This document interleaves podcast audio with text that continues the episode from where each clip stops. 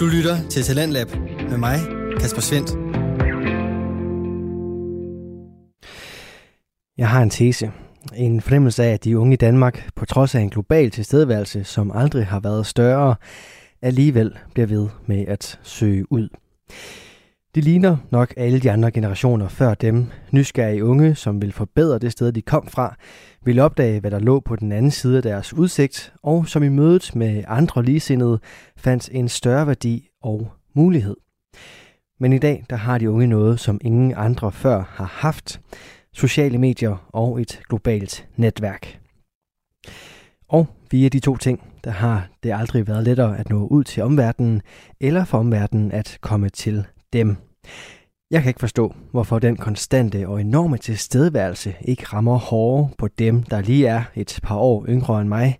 Dem, som aldrig har kendt en hverdag uden teknologi. Min og nok også din barndom blev formet i rammerne på en analog verden.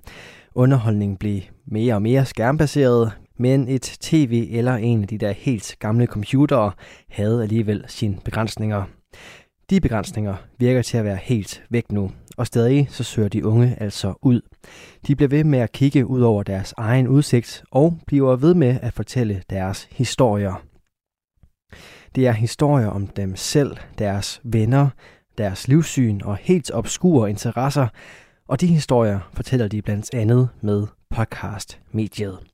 Mit navn det er Kasper Svendt, og min sidste sommertema fredag er dedikeret til de nysgerrige unge, som fortæller historier via fritidspodcast. Velkommen til Talentlab her på Radio 4. Du er skruet ind på et program, som hver aften giver dig et indblik ind i det danske podcast Vækslag. Vi præsenterer afsnit fra alle mulige danske fritidspodcast, så du kan få forståelsen af, hvad dine medmennesker taler om og hvordan de gør det. Igennem den her sommer, der har vi hver fredag ikke afspillet nye episoder for dig, men i stedet samlet klip fra en række podcasts, som vi så har samlet under diverse temaer. Det har både været kunstbaseret, nichepræget, og vi har sågar hoppet en tur ind i fiktionens univers, men i aften der runder vi altså af med et kig på den generation, som mestrer medier, fordi de er født ind i dem. Samtidig så sætter jeg også fokus på den nysgerrighed, som går igen i mange af vores unge talenter. Og en af dem nøjes jeg ikke blot med at spille et klip fra.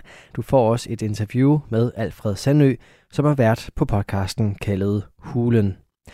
I den der bruger Alfred sin energi på at fortælle historier om ham selv og sine venner, om hvordan de kæmper de samme kampe, som unge altid har kæmpet, og om hvordan de nye udfordringer dukker op og bliver relevante. Jeg havde fornøjelsen af at tale med Alfred før den her udsendelse, og jeg blev endnu en gang bekræftet i, at i hvert fald hans podcast både er nysgerrig og ungdomlig. Her får du først min snak med Alfred, og derefter et klip fra podcasten Hulen. Og så kan jeg sige velkommen til Alfred Sandø, 20 år, student og befinder sig lige nu i Sverige. Hej Alfred. Hej. Hvad delen laver du i Sverige? Jamen, altså min, øh, min far og, og hans kæreste har lejet sådan et sommerhus i Sverige. Øh, så det er sådan set bare lidt ferie øh, og sådan lidt hygge op, op i, i Nordsverige. Ah, men altså. Du er øh, podcastvært på podcasten Hulen, som er en ungdomlig podcast, der giver et, øh, en ret seriøst indblik ind i, hvordan din overgang ligesom øh, behandler de forskellige temaer, du nu tager op. Vi skal selvfølgelig snakke omkring den podcast og omkring podcastmediet, men jeg skal lige høre, nu er du nyklækket student, nyder sommeren. Er der begyndt at være planer fra, for, hvad fremtiden bringer, eller skal vi lige øh, slå tømmermændene ihjel først? Jamen altså, øhm, her i det kommende halvår skal jeg bare arbejde. Jeg arbejder som barista lige nu. Øhm, og så i januar 2022, der skal jeg på højskole, på øh, Aarhus Idrætshøjskole øhm, og spille en masse basket og en masse sport og fitness. Øhm, så det glæder jeg mig sindssygt meget til. Så ja, lidt planer har jeg da. og ikke noget podcast på højskolen? Jo, altså, jo, altså jeg regner det stærkt med, uh, stærkt med at prøve at lave en podcast. Øhm, jeg ved ikke lige, hvad det skal være om endnu, men der er jo masser af sport, man kan snakke om. Så det er lidt uh, ja, uplanlagt. Super. Jamen som sagt, så skal vi snakke lidt omkring øh, hulen, men jeg vil egentlig gerne starte med lige at at bringe dig ind i mediet først. Hvorfor i alverden laver du en podcast? Jamen altså, øh, det er der sådan set flere grunde til, tror jeg. Øh, jeg har i lang tid, før jeg lavede den her podcast, været fascineret af radio og været fascineret af lyde, eller ikke lyde, men lyd. Øhm, og det der med at kunne underholde med sin stemme, og kun sin stemme, har været ret fascinerende for mig. Og det tror jeg sådan set lidt er kommet af, at jeg i lang tid øhm, har, det, har, har, har haft det med at stamme, som man også lige kunne høre der. Øhm, så det der med at kunne styre sin stemme, og styre den måde, man taler på, og hvad siger man, øh, underholde på den måde, det har jeg på en eller anden måde bare synes var ekstra sejt og ekstra vildt, at man ja, på en eller anden måde kunne være så god til det. Øhm, og så tror jeg også, at det har været, øhm, altså podcast-mediet har været øh, det bedste medie til at lave hulen, altså mit projekt. Øh, fordi det er lige præcis det der med at snakke om tingene, som jeg, jeg sætter fokus på. Øh, og det er også lidt det her savnet, at man kan. Så det var ret tydeligt for mig, at det skulle være podcast, jeg skulle lave. Man kan sige, du kan jo godt, eller du kunne godt have valgt at sætte et, øh, et kamera op på værelset, og så lave en YouTube-kanal, hvor I egentlig også bare havde de her samtaler. Hvad er det, du kan øh, tilbyde i en podcast eller i, i lydmediet, som du ikke kan få frem andre steder? Øhm, uh, det er et godt spørgsmål. Altså, jeg, jeg, øh, jeg føler i hvert fald, at når jeg, øh, eller hvis jeg skulle lave en YouTube-video for eksempel, hvor jeg havde video på, så ville jeg måske i større grad have, have øh, den følelse af, at jeg skulle påtvinge mig en karakter. Altså, at jeg skulle fremstå så perfekt som muligt på en eller anden måde. Øh, fordi at man får et direkte indblik af, hvem er jeg, hvordan ser jeg ud. Øh, hvor at i en podcast, der har man måske lidt mere mulighed for at gemme sig bag, at man ikke er på kamera. Øh, og jeg tror måske, at det åbner en masse mere ærlighed øh, og sårbarhed, i hvert fald i min podcast. Jamen det giver, det giver god mening. De fleste af dem, jeg har haft inde, de har sagt noget med, at de har været for grimme til at komme på, på YouTube. Øh, Nå, så, okay. så, så, jeg tror, Ej, det der det med... At, ikke, nej, det er godt. Så det der med at gemme sig lidt bag podcast-mikrofonen øh, og, og ikke sidde på kamera, det går lidt igen, men, øh, men jeg vil også skynde mig at sige, det er ikke fordi, jeg står og kalder dig grim. Øh. nej, nej, nej, det, det var heller ikke sådan, jeg forstod det. det var godt. Øh, så skulle du lave en podcast, og navnet det faldt på Hulen. Hvorfor lige præcis det navn? Jamen altså, øhm, jeg kaldte den egentlig Hulen til at starte med, fordi at jeg som lille øhm, lavede en masse huler og en masse, øh, og en masse fort med sådan nogle puder og tæpper og så videre, ikke? Og øhm, jeg husker i hvert fald den der følelse af at sidde inde i en hule eller et fort, man har bygget, øhm, af at den var ret sikker og ret sådan altså man var ret tilfreds på en eller anden måde, og man var ret glad derinde. Men jeg synes egentlig også, at det har været ret fedt at kalde den hulen, fordi at hulen øh, måske også symboliserer lidt, øh, hvad siger man, noget farligt, noget lidt grænseoverskridende måske. Og det er også, altså det synes jeg passer ret meget til min podcast, at, at det måske også er det en lille bitte smule. Selvfølgelig ikke for meget, men lidt. Mm. Og inden vi springer helt ind i, i hulen, hører du selv nogle, øh, nogle andre podcast, både danske og udlandske? Ja, altså jeg tror, jeg vil nok nævne to øh, podcast. Øhm, jeg har ikke tidligere brugt podcast mediet så meget, altså jeg har ikke lyttet til podcast så meget, men her hvor jeg selv er begyndt på det, og er kommet lidt mere ind i universet, og hvad siger man, har haft interesse for det, så har jeg faktisk begyndt at høre nogle af mine øh, medtalentlabber, øh, som hedder Mellem os. Øh, og det, det er en sindssygt fed podcast. To kvinder, som snakker om, hvad der er aktuelt for dem, og hvad der er aktuelt for omverdenen. Øh, og jeg føler, at de gør det sindssygt fedt og sindssygt spændende. Og jeg har også øh, lidt skrevet til dem, fordi jeg synes, at de har, de har ret godt styr på deres Instagram, og det synes jeg på et tidspunkt ikke, jeg havde. Så øh, de var sindssygt søde at hjælpe mig. Og det er selvfølgelig også, hvis man har haft noget indflydelse på, hvordan jeg ser deres podcast og dem. Men jeg synes virkelig, de, de gør det, de siger spændende. Øh, så det er også nogle, jeg ser lidt op til. Og så øh, hører jeg rigtig meget faktisk lige for tiden øh, en podcast, som jeg vil anbefale til rigtig mange andre, der også laver podcast. Mm. Øh, podcastbogen af Dorte Palle og Thor Arnbjørn. Øh, og det er sådan set bare en podcast om at lave podcast. Øh, og den er simpelthen så sindssygt god og lærerig. Øh, og allerede efter, jeg tror at kun jeg har hørt tre episoder, der har jeg altså lært rimelig meget. Så det er helt klart en podcast, jeg vil, øh, jeg vil anbefale. Ah, men altså, jeg står lige her og bliver helt stolt på programmets vegne, for vi får både en, en øh, anbefaling til en af vores andre fritidspodcast, og så til simpelthen en af vores weekendværters podcast. Så øh, der fik vi lige øh, godt og grundigt øh, hældt juice her. Øhm, ja, men lad os bare springe ind i, i din podcast, Hulen, som jeg jo også synes øh, kan et eller andet det her med at, at invitere andre unge ind, og så tage, tage relativt seriøse samtaler øh, inden for diverse emner, den lyst til at tage de her alvorlige snakke, hvor kommer den fra? Jamen altså, jeg tror, den kommer af, at øh, jeg, specielt i mine teenageår, øh, selv har gået med nogle tanker, og selv har gået med nogle problemer, eller, eller lignende, som jeg har gået med at føle mig alene om. Øhm, og når man er i sådan en her alder, du ved, mellem ja, 14 og 20, sådan, sådan set, øh, der har man normalt ikke en lyst til at snakke med, med folk om det, og specielt dem, som gerne vil snakke om det, altså ens forældre og ens tætteste venner, øh, dem snakker man ofte ikke med om det. Det har jeg, altså, det har jeg i hvert fald ikke gjort. Øh, og det ville jeg ønske, jeg havde gjort, om nogle af de ting, jeg gik og øh, ja, funderet over, eller funderet over, hedder det.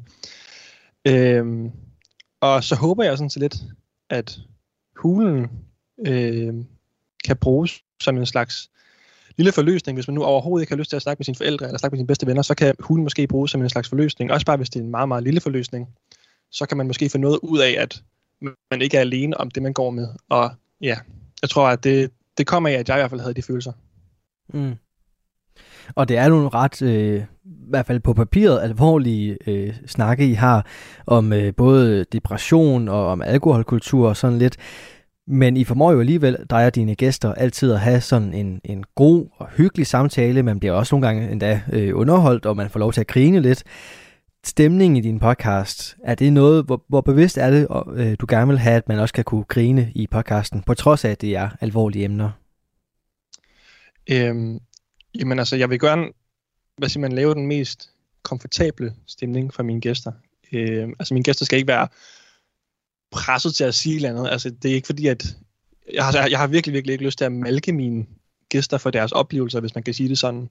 Øhm, og altså, jeg, jeg, jeg, jeg tror egentlig bare, at jeg har fokus på at lave det så komfortabelt for mine gæster, og tage det så stille og roligt, øh, og ligesom bare se, hvor samtalen bærer sig hen, og det er ofte i nogle rigtig fede retninger. Øhm, så jeg, jeg vil bare sige, at ja, jeg tror, jeg bare jeg laver en, en stemning, der er komfortabel og stille og rolig, og på en eller anden måde lægger så lidt pres på mine gæster til at sige noget alt for grænseoverskridende. Og netop dine gæster, dem øh, i hvert fald indtil videre, har du hævet ind lidt fra dit, øh, dit øh, nære netværk. Når du alligevel skal vælge de her gæster, hvad, er der nogle kriterier, de skal igennem, før du sådan inviterer dem ind til, til en snak? Jamen altså, det er lidt forskelligt om, hvordan jeg, jeg har gæster med inden. Der, der er nogen, der melder sig øh, frivilligt og gerne øh, vil snakke om noget helt specifikt, fordi ja, det er jo helt vildt fedt at let, let trykket, kan man sige. Øh, og det har været, det, det har faktisk været min, min øh, gamle, eller min, en af mine bedste venner, gamle parbror Nathan, som kom til mig og gerne ville snakke om sin, sin depression. Øh, og så har der også været andre, hvor jeg ligesom har spurgt på baggrund af det emne, jeg skulle snakke om. Og det har været, altså for eksempel, så snakker jeg meget om skole og alkohol med en, der hedder Helene. Øhm, og hende snakker jeg med, fordi at jeg, jeg tænkte, at jeg kunne få nogle forskellige sider frem for Spektro, og man kunne måske også få nogle kontraster frem mellem os. Øhm, fordi jeg vil gerne på en eller anden måde ramme en, en så bred, øhm, ja, altså, øh, så bred flade, kan man sige, af meninger, øh, som jeg kan, og på en eller anden måde repræsentere så mange mennesker, som jeg overhovedet kan. Øh, så det er lidt forskelligt, vil jeg sige. Mm. Og hvordan forbereder du så dine gæster på, på at komme ind til en podcast, men også på den stemning, du gerne vil have i din, øh, i din produktion? Jamen altså, øh, jeg laver jo først en struktur. Altså jeg tænker på, hvad, altså, hvad vil jeg gerne snakke om? Øh, hvad kunne være spændende at snakke om? Og så laver jeg lidt en struktur for, for hvad jeg gerne vil snakke om. Og så spørger jeg mine gæster, om øh, han eller hun har, har noget, hun gerne vil snakke om inden for emnet. Øh, og om hun har nogle tilføjelser eller noget som helst. Øhm, og så hvis, hvis de har det, så sætter vi os bare ned sammen og hvad siger man, sammenfletter vores, vores tanker så godt så, så muligt, så det er godt for os begge to. Øhm, og i forhold til stemningen, så tror jeg bare, jeg forbereder dem ved at lige, du ved, måske tage en kop kaffe, lige du ved, sidde og hygge snakke lidt, før man, før man går i gang, og øhm, måske også det noget chokolade eller sådan noget frem på, på bordet. Så ja. Så sørg for, at omgivelserne ligesom lægger op til, at det, er, at det skal være hyggeligt at være der. Præcis. Simpelthen. Det skal jo være sådan en uh, hyggelig hule. det er jo det. Men det er jo godt være, du var i gang med at lave sådan en helt fort af puder og tæpper og sådan noget. Men, ja, men, altså jeg har faktisk også lidt, lidt overvejet, om man skulle, om man skulle lave sådan et uh, fort. Uh, både for lyden, men også bare for, for hyggens skyld. Det er jo noget, du kan arbejde videre med. Især når du kommer på ja. højskole, der tænker jeg, at det er sådan noget, man, øh, man godt kunne få flere til at hjælpe med. Øhm, hvordan forbereder du dig selv på at skulle optage? Altså, er du igennem nogle øh, ritualer, inden du trykker optag? Øhm, altså, mine ritualer, jeg ved ikke, om jeg har ritualer på den måde. øhm, jeg tror, jeg øhm, skriver en masse, masse noter. Jeg skriver virkelig mange noter om, om hvad jeg gerne vil snakke om, og hvad kunne være spændende at snakke om. Og mange af de noter ender jeg også med at krydse ud og øh, ikke snakke om alligevel. Øhm, jeg har en masse planlagt, en masse planlagte episoder, som har taget noget tid. Øh, både fordi jeg har haft corona, og der har været du ved, fester i den her tid, men også fordi, at det simpelthen har været, har været ret svært at skulle vælge, hvad man skal snakke om, og hvad, altså hvad man skal vælge fra. Øh, så en masse noter og en masse struktur, tror jeg. Øh, altså sådan, hvad man ligesom vil gå igennem, og hvordan man vil gå igennem det. Samtidig med, at det, det ikke skal være så øh, strukturelt. Det er, det er lidt modsigende, men ja, jeg, jeg ved ikke helt, hvordan jeg skal forklare det. Nå, men de fleste, de har jo den der med, hvor de liner en masse op på manus, og så, så snart de trykker optag, så kaster de manus væk. Det er i hvert fald noget af det, vi arbejder på her på radioen. Det er med at forberede sig rigtig, rigtig meget. Og når man så står i nuet, så fuldstændig glemme, at man har forberedt sig, fordi så handler det om at være til stede. Så, og det skal ja. du forresten også have ros for at gøre, fordi netop dine samtaler har den der nerve af, at det er nu og her, og der sidder måske både en gæst derinde, men især også en vært, som øh, har noget på hjertet. Så det mener jeg absolut, man kan høre. Vi har øh, i aften temaet nysgerrig ungdom, og der synes jeg jo på, på mange parametre, at din podcast passer ind. Hvis vi lige sparker det her med at være nysgerrig til hjørne, øh, ungdom, altså hvor meget fylder din alder og din gæsters alder øh, i podcasten? Altså er det en tilfældighed, at I bare er fra den årgang, I nu er, eller er det en pointe i sig selv, at I er unge? Jamen jeg tror, det at jeg fokuserer på ungdom har måske også, det er måske kommet af, at jeg på en eller anden måde har øh, vil repræsentere ungdom på en god måde, fordi jeg synes, at, ja, at ungdom i, i en masse medier, specielt i sociale medier, bliver øh, afspejlet som at være øh, enten sindssygt dumme mennesker, øh, eller sindssygt ja, øh, umodne, og bare på rigtig mange dårlige måder. Øh, og det er måske et lidt modsvar til det, det her med, at man ligesom faktisk har en, nogle rigtig gode samtaler, har nogle rigtig, rigtig dybe samtaler.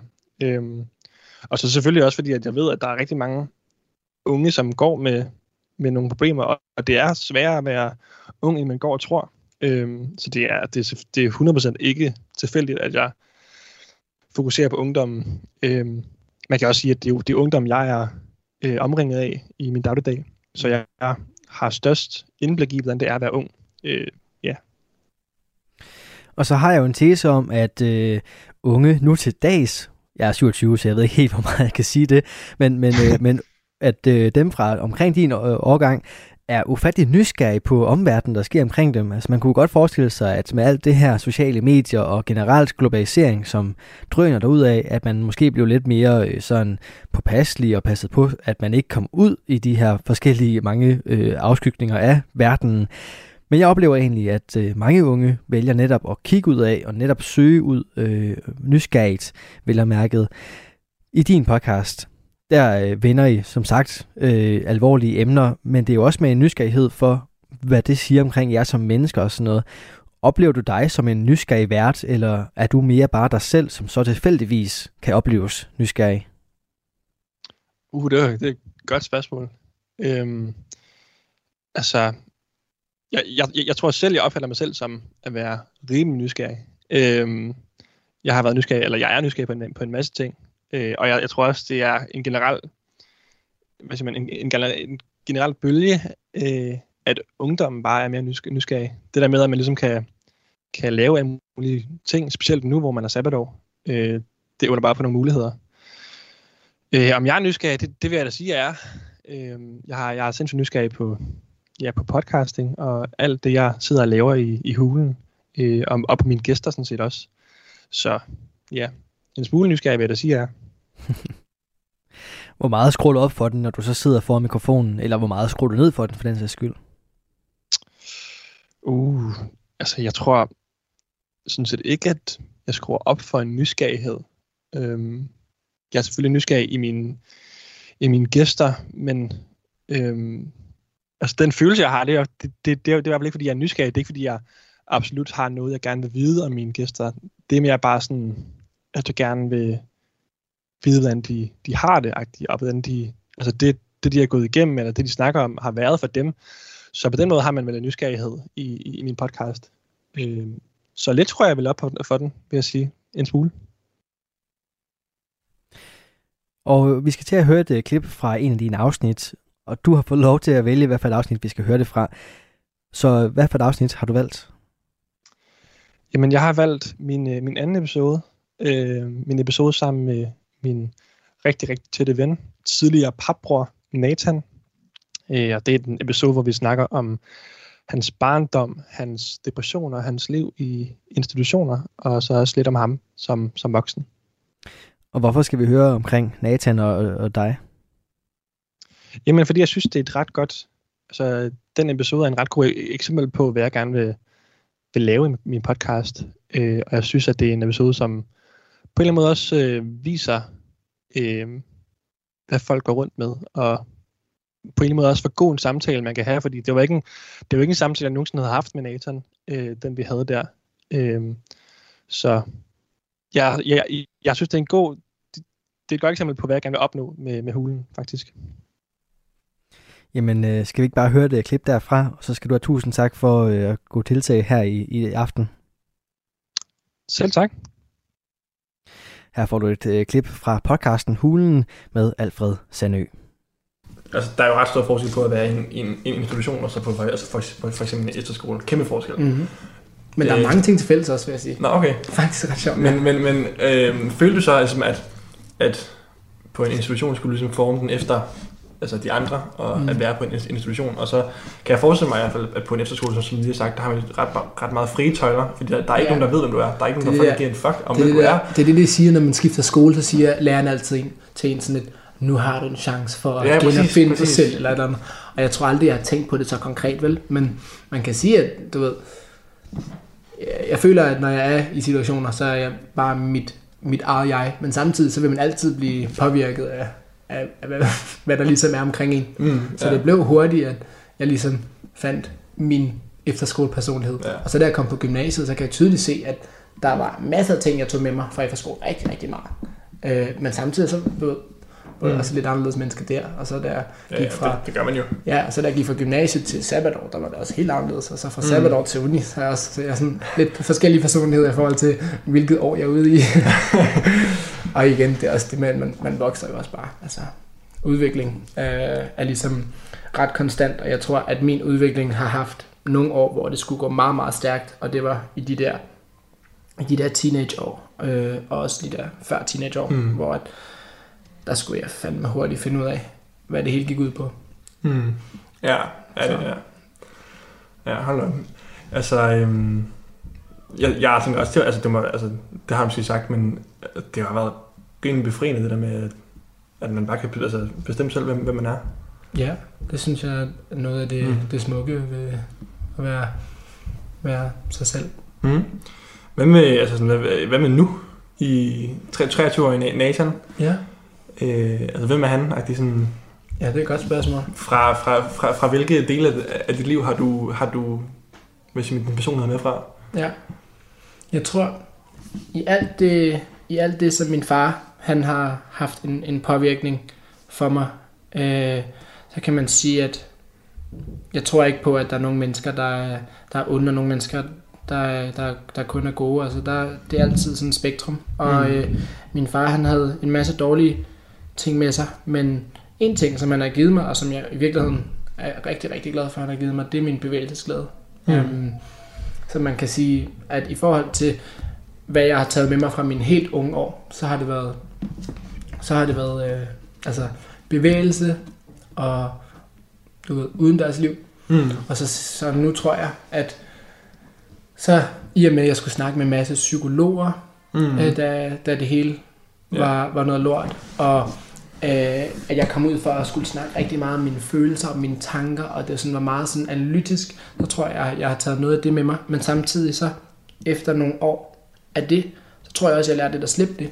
Og nogle gange bare, jeg tror i hvert fald, at den, jeg er nu, er det mest sådan, øh, det mest sådan befriede menneske i forhold til Mm.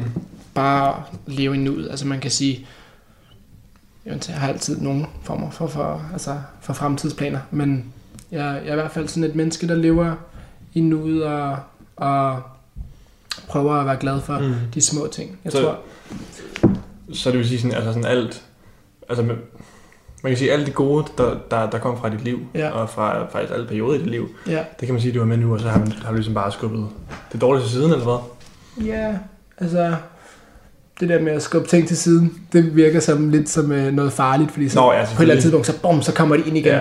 Det håber jeg ikke, at, øh, at det er sådan. Jeg, jeg tror, at jeg har, jeg har afklaret mig med, øh, med mange af de, øh, af de dårlige ting. En ting for eksempel, som har været en virkelig mærkelig oplevelse for mig her på det seneste, det er, at på idrætsstudiet, så skulle vi lave en, øh, en, en stor sådan perf- performativ dans. Mhm. Og, og så med min studiegruppe har vi lavet en dans omkring depression, og, og altså faktisk min, sådan med Mhm. udgangspunkt i min historie. Og det har været en altså, skør oplevelse at sådan danse og få tæv og mm. danse at have en depression og danse de forskellige sådan, følelser, der kommer med depression, sådan tristhed og Mm. øh, altså selvskade og stress og Ja. vreden og alt sådan noget der. Det har været øh, helt nyt for mig, og mm. Det tror jeg også ligesom har givet mig øh, sådan lidt et nyt perspektiv på, øh, hvad jeg ligesom har, har fået med af det Mhm. hele. Du lytter til Radio 4. Og du er godt i gang med at få et større indblik ind i det danske podcast Vækslag. Det er nemlig præcis det, vi sætter fokus på her i Talent Lab.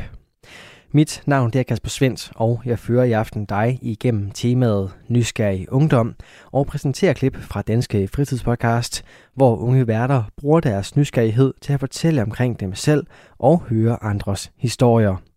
Her fik du oven i hatten også en snak imellem mig og podcastverden Alfred Sandø, inden du fik et klip fra Alfreds podcast, som hedder Hulen.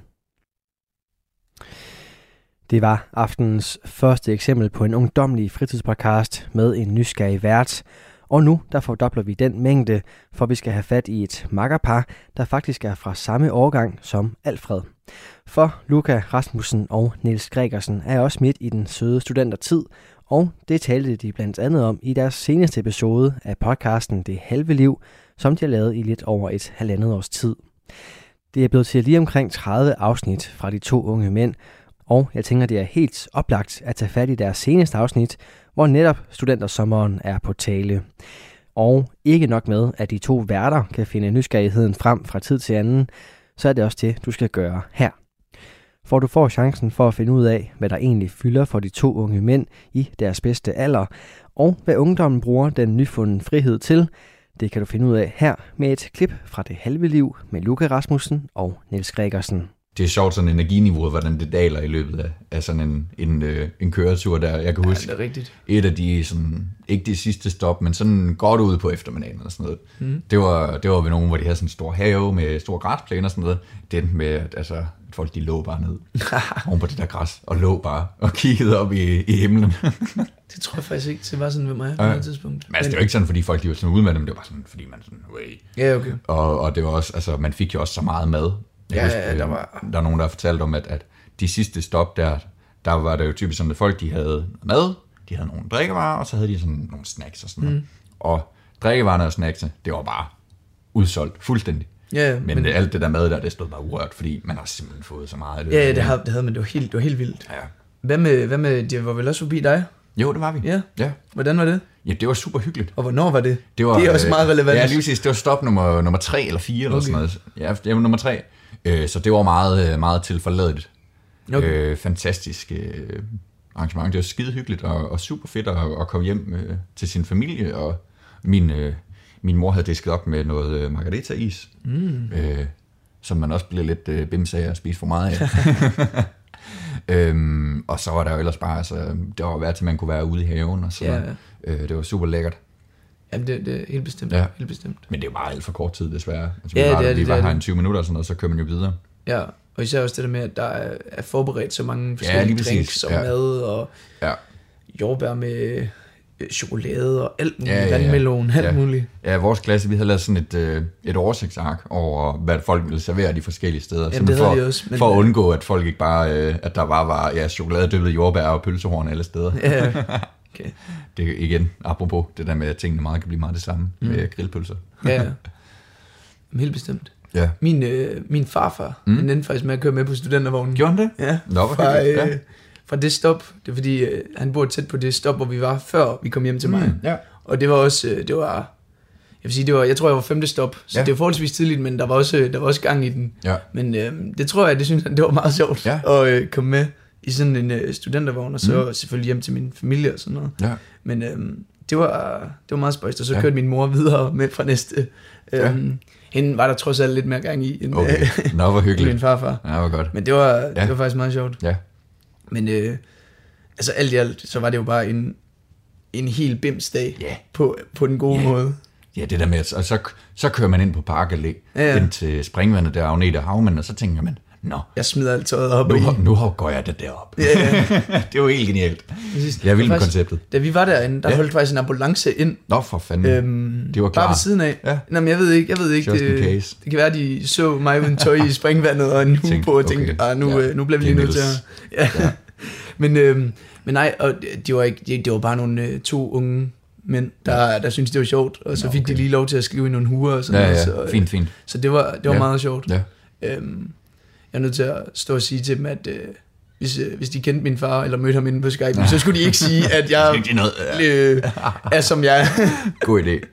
Jamen, der er jo nemlig de der øh, hugetraditioner, blandt andet med at skrive i, men mm. også øh, de der forskellige øh, hak, man kan, man kan klippe. Ja. Vi snakkede lige, øh, vi snakkede lige kort om her, inden vi startede. Øh, Jeg ved ikke, om, om det sådan er, er, hvad skal man sige... Øh, Det er der, og, og også med at bide i. ja, ja, ja, Øh, der er alt muligt forskelligt. ja, Alle mulige mærkelige Ja. ting. Trekanter og huse og firkanter. Og, ja.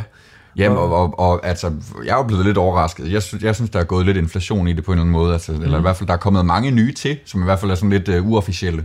ja. Øh, normalvis så har man jo sådan nogle ja, øh, firkanten der, hvis man drikker en hel kasse øl, eller, ja. eller øh, hvad hedder det, trekanten. Bølgen, eller- Ja, bølgen, hvis man er ude at bade og sådan noget. Men der, der er jo blandt andet øh, hammeren. Ja. Den, den skal du lige forklare, synes jeg. Ja, hammeren. Ja. Jamen, jeg ved ikke, om det er et nyt koncept, eller... Jamen, jeg har ikke hørt den før i år Nå, i hvert fald. nå, okay, Men, men, øh, det er i øhm, hvert fald nyt for mig, så.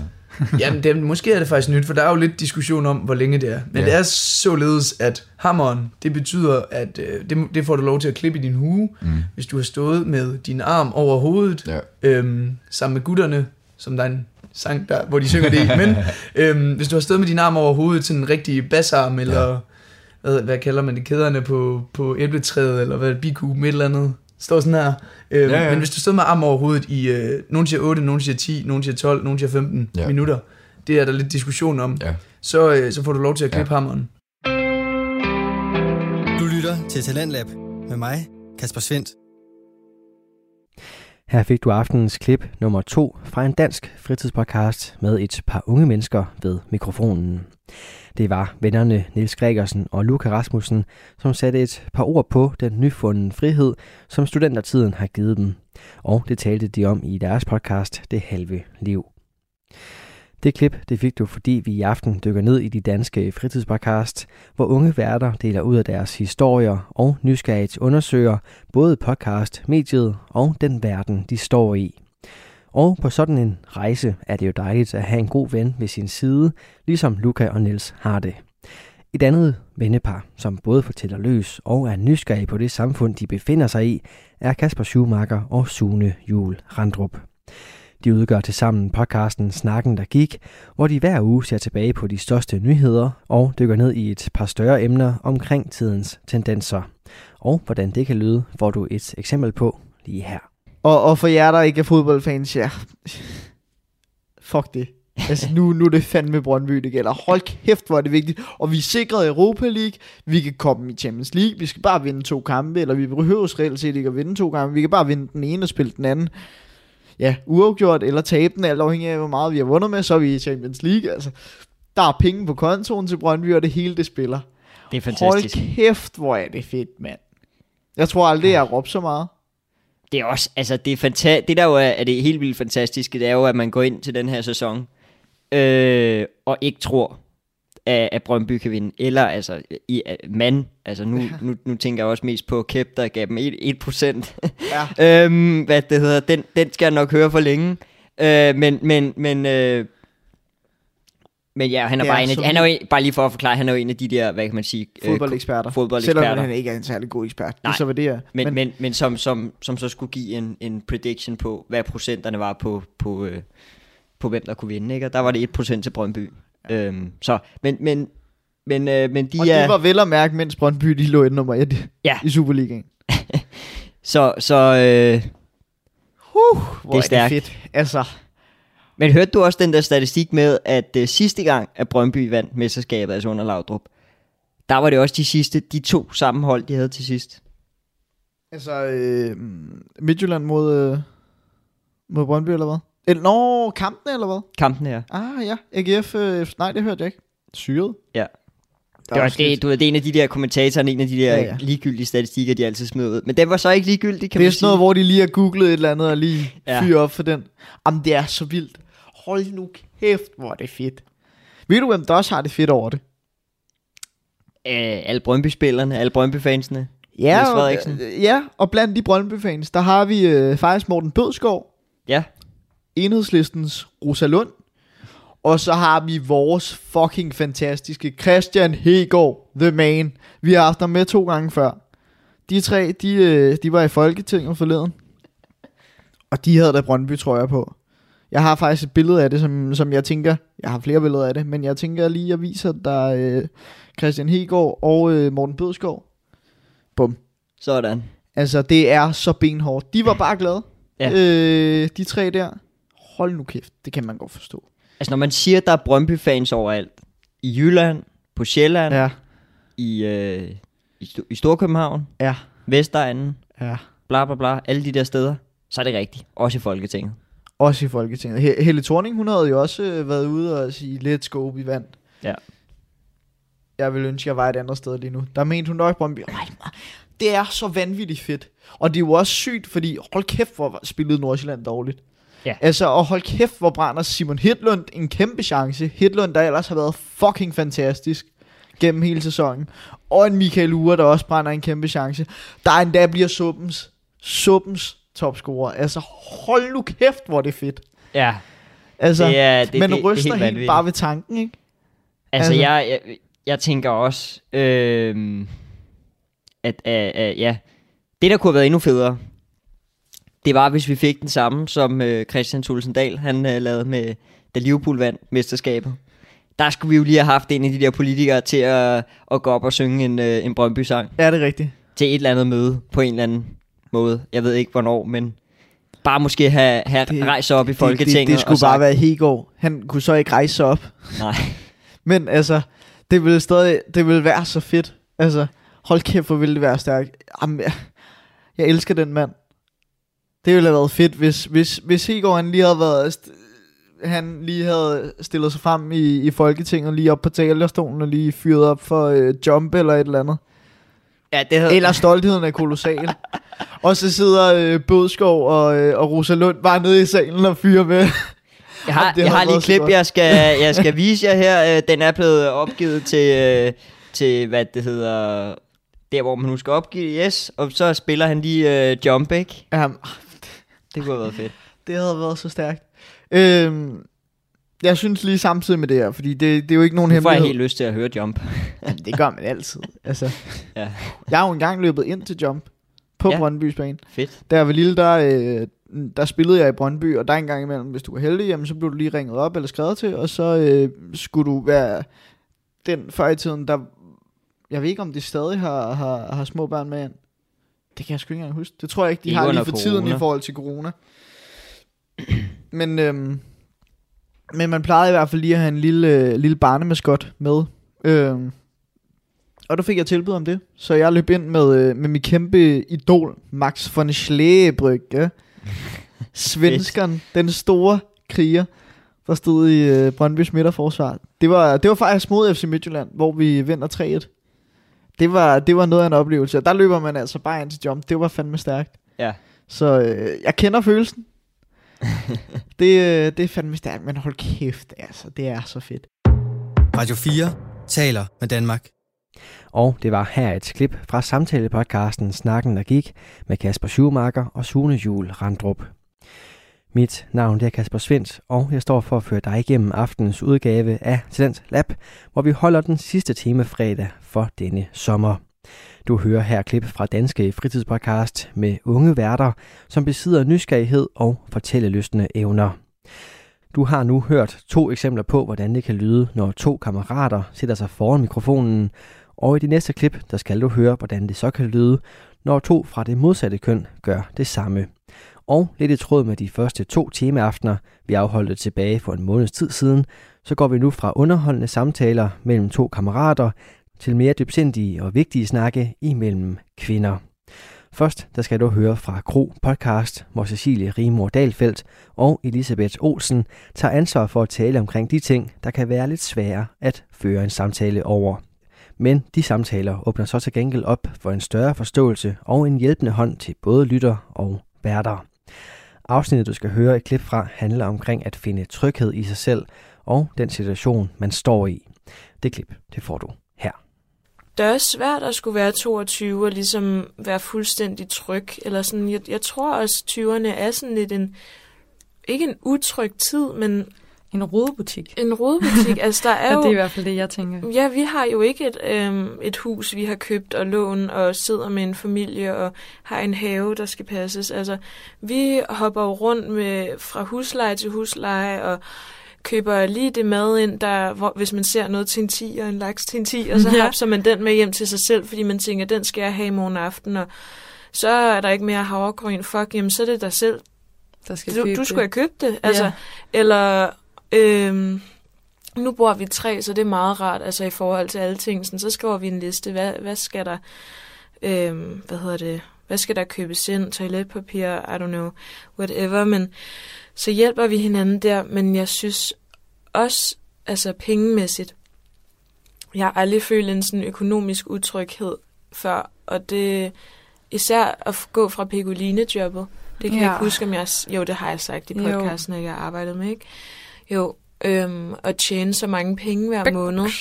Backspender. Og bare, altså, brugt, hvor jeg ville. Sådan, hvis jeg var ude og spise med nogen, og de, du ved, tog en vand, så sagde det skal jeg da ikke have. Du ved, jeg vil da gerne, nu vil mm. jeg Mhm. nyde det. Nu er jeg Mhm. rigtig ude. Nu skal jeg have en øh, smoothie, eller I don't know. Øhm, sådan, og jeg gik ikke på kompromis. Og så havde jeg så sådan saved nogle penge op, og jeg havde penge til indskud og sådan noget der til lejligheden, men øhm, det forsvinder meget hurtigt. Og jeg, altså, jeg bruger altid, hvis jeg har penge, så bruger jeg dem, og hvis jeg ikke har, så bruger jeg dem ikke. Altså, jeg har aldrig brugt penge, jeg ikke har.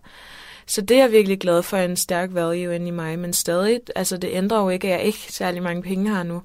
Og det er virkelig svært. Ja. Altså, det er virkelig svært. Sådan, det der med, at folk siger, åh, kan du ikke komme med til det der? Sådan, nej, jeg har ikke råd til det. Mm-mm. Eller sådan, jo, jeg har råd. Jo, jeg kunne godt, men så har Mm, jeg så ikke måske ikke- aftensmad. ja. Altså sådan, du ved, så det er sådan, det er mærkeligt, og det føles virkelig sådan lidt utrygt, sådan, Ja, også fordi det er jo dine penge. Det er dit ansvar. Sådan, Ja. og, og vi er også begge to vokset op med det der med, man skriver ikke bare lige sådan, hey, gider lige at overføre 1000 kroner. mm, Og vi har heller aldrig lånt penge af hinanden. Altså, nej. fordi jeg tror begge to, vi er sådan, nej, jeg kan godt det her. Ja, ja, ja. Altså, så må jeg bare spise havregryn til morgenmad, Mm. og så må jeg se, hvad der er til aftensmad. Ja, er der knækbrød noget ja. gammel ost? Altså, Ja.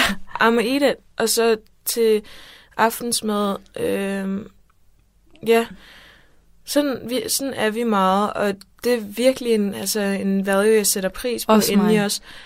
Øhm, men jeg ved ikke, jeg blev også virkelig rørt, da vi skulle til Klitmøller, og min far, han sendte mig 1000 kroner. Mine forældre sender mig ikke penge som sådan. Så virkelig, da min far bare skrev, have en god tur til Klitmøller. Åh, Og jeg fik de der penge. helt kuldegysende. Ja, jeg græd bare, fordi jeg var bare sådan, oh, kæft mand, hvor var det lige det sådan, selvom det er materialistisk, så var det det kram, jeg lige havde brug for. Mm. Eller sådan, og især fra min far bare, og sådan, der er min mor og far, du ved, forskellige, sådan, det ville min mor aldrig gøre, men sådan, så hvis nu jeg havde brug for, lad os sige, 3G, havde jeg, gik min computer ned lige før SAP, så købte hun en ny til mig. Eller sådan, altså det, det her, nu lyder det også som om jeg får, men altså det, det er virkelig ting, jeg husker, Ja. hvor jeg tænker, hold da kæft, mine forældre, det, du ved, det ja, det godt var jo være- heller ikke ud af det blå, det var jo også en del af en, af en jeg kan ikke huske, om det var julegave eller fødselsdagsgave. Ja, det var en del af min fødselsdagsgave, tror jeg.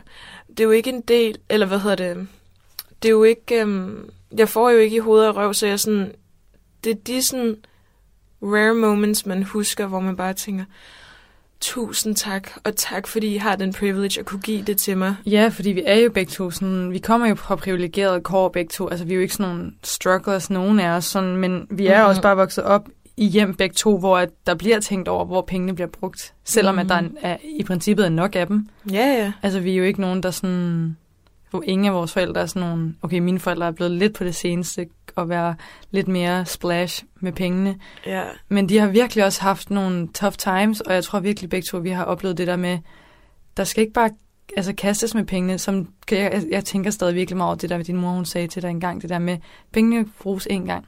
Ja. Og det tror jeg bare er mega vigtigt. Ja. Men øhm, undskyld, skal du sige noget? Mm, det var mere um, altså det der med tryghed, sådan, så der var lige det der pengemæssigt, Jamen, jeg så skulle var også der... spørge om noget. Ja.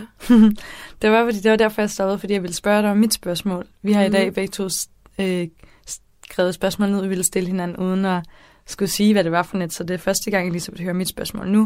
Og jeg er Mhm. kommet til at tænke på det, og det passer virkelig godt til i forhold til, at du har snakket om, sådan, at du har følt en lidt utryghed, og øhm, der er sådan lidt en proces i gang hos dig, virker det til. Øhm, Mhm. Og så kommer jeg til at tænke på sådan, hvis nu vi skal vende den til noget positivt, eller prøve at se sådan, hvordan kan vi få det her til at være en god ting, at du Mhm. mm. er lidt på usikker grund lige nu. Så jeg tænker sådan, hvis du skulle tænke over, hvornår føler du dig mest tryg, eller hvornår føler du mest tryghed? Altså sådan, Mm. mm. prøv at, jeg, jeg elsker bare den der følelse af, at man mærker den, altså du tænker tilbage, mærker følelsen i kroppen, og så er du sådan, oh Og tager yes. den videre. Ja, yeah, Ja. that's what I want to work on. Ja. Du lytter til Radio 4. Mit navn er Kasper Svendt, og jeg står for at føre dig igennem aftenens udgave af Talent Lab, hvor vi afholder den sidste temafredag for denne sommer. Du hører klip fra Danske Fritidspodcast, der består af unge værter, som besidder en nysgerrighed og fortællelystne evner. Her der var det denne times næst sidste klip, og det kom fra Gro Podcast, som består af Cecilie Rimor Dalfeldt og Elisabeth Olsen. Og som nævnt, så repræsenterer de den type samtale-podcast, hvor kvinder sætter sig foran mikrofonen og tager de vigtige samtaler. Det er lidt i kontrast til den overvægt af mandlige samtale-podcasts, hvor underholdning og god stemning er mere udbredt end alvorlige emner.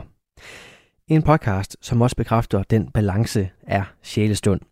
Den er lavet af Lisa van der Mart og Sara Rand, og her der får du altså, ligesom i Gro podcast, et værtspar, der tager de snakke, som ikke nødvendigvis er hyggelige eller sjove, men som i den grad er vigtige.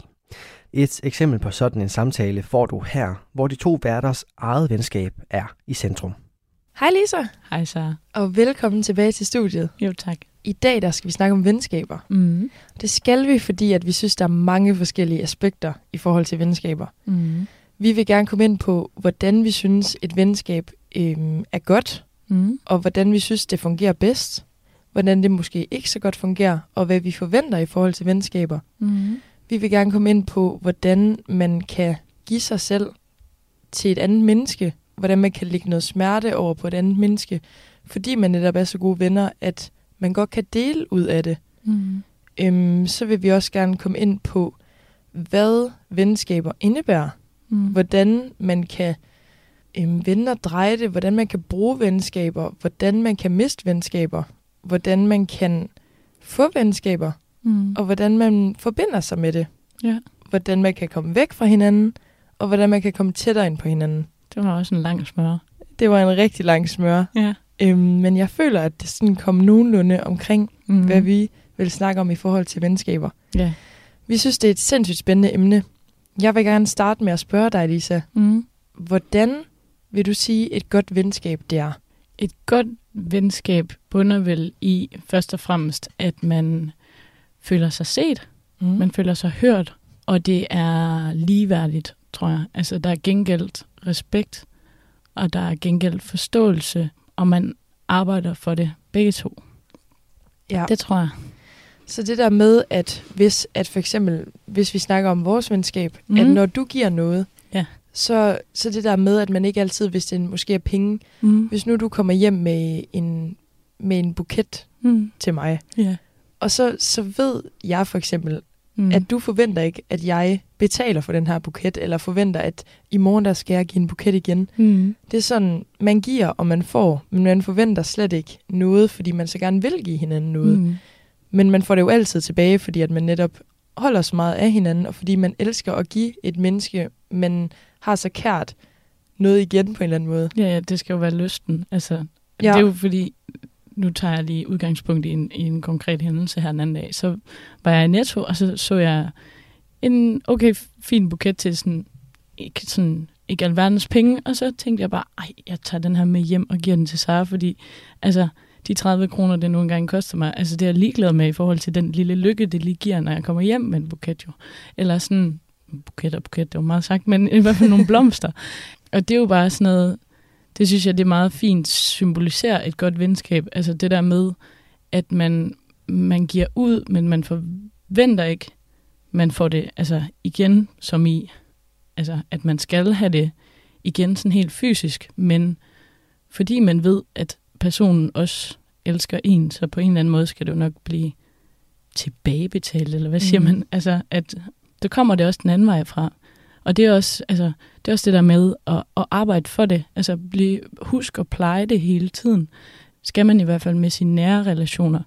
Hvor jeg ved, du og jeg, altså vi kan nogle gange være sådan, hey, vi har lige haft en periode, hvor vi ikke føler, at vi har været så tætte, eller sådan, hvor vi godt, og det er jo bare en uge for os to, hvor vi kan være sådan, hey, vi har ikke tunet så meget ind med hinanden, som vi plejer, jeg føler lige, at vi har været lidt væk fra hinanden, hvad så? Og det skal man også være god til at sige i et venskab, eller sådan, mm. det, det er nok det mest væsentlige for et venskab, det er den der vedvarende pleje af det, altså sådan, at man, og også ikke bare, ikke i den forstand, at man bare altid snakker om, hvad der sker udenom relationen, altså sådan, hey, lige catcher op på hinanden, men også det der med, hvordan er vi, og hvordan, hvordan er vores relation lige, og også i tale sætte det, fordi det er jo, det er virkelig, virkelig vigtigt, og det føler jeg, det er nok sådan, det er hovedessensen i, at man kan blive ved med at være venner, det er, at man også kan snakke om, hvordan er vores relation, Mm. fordi det er også det, der kan gøre, at man glider fra hinanden, hvis man ikke kan snakke om, hvor er vi henne lige nu. Altså sådan, Mm. bevæger vi os i to forskellige retninger.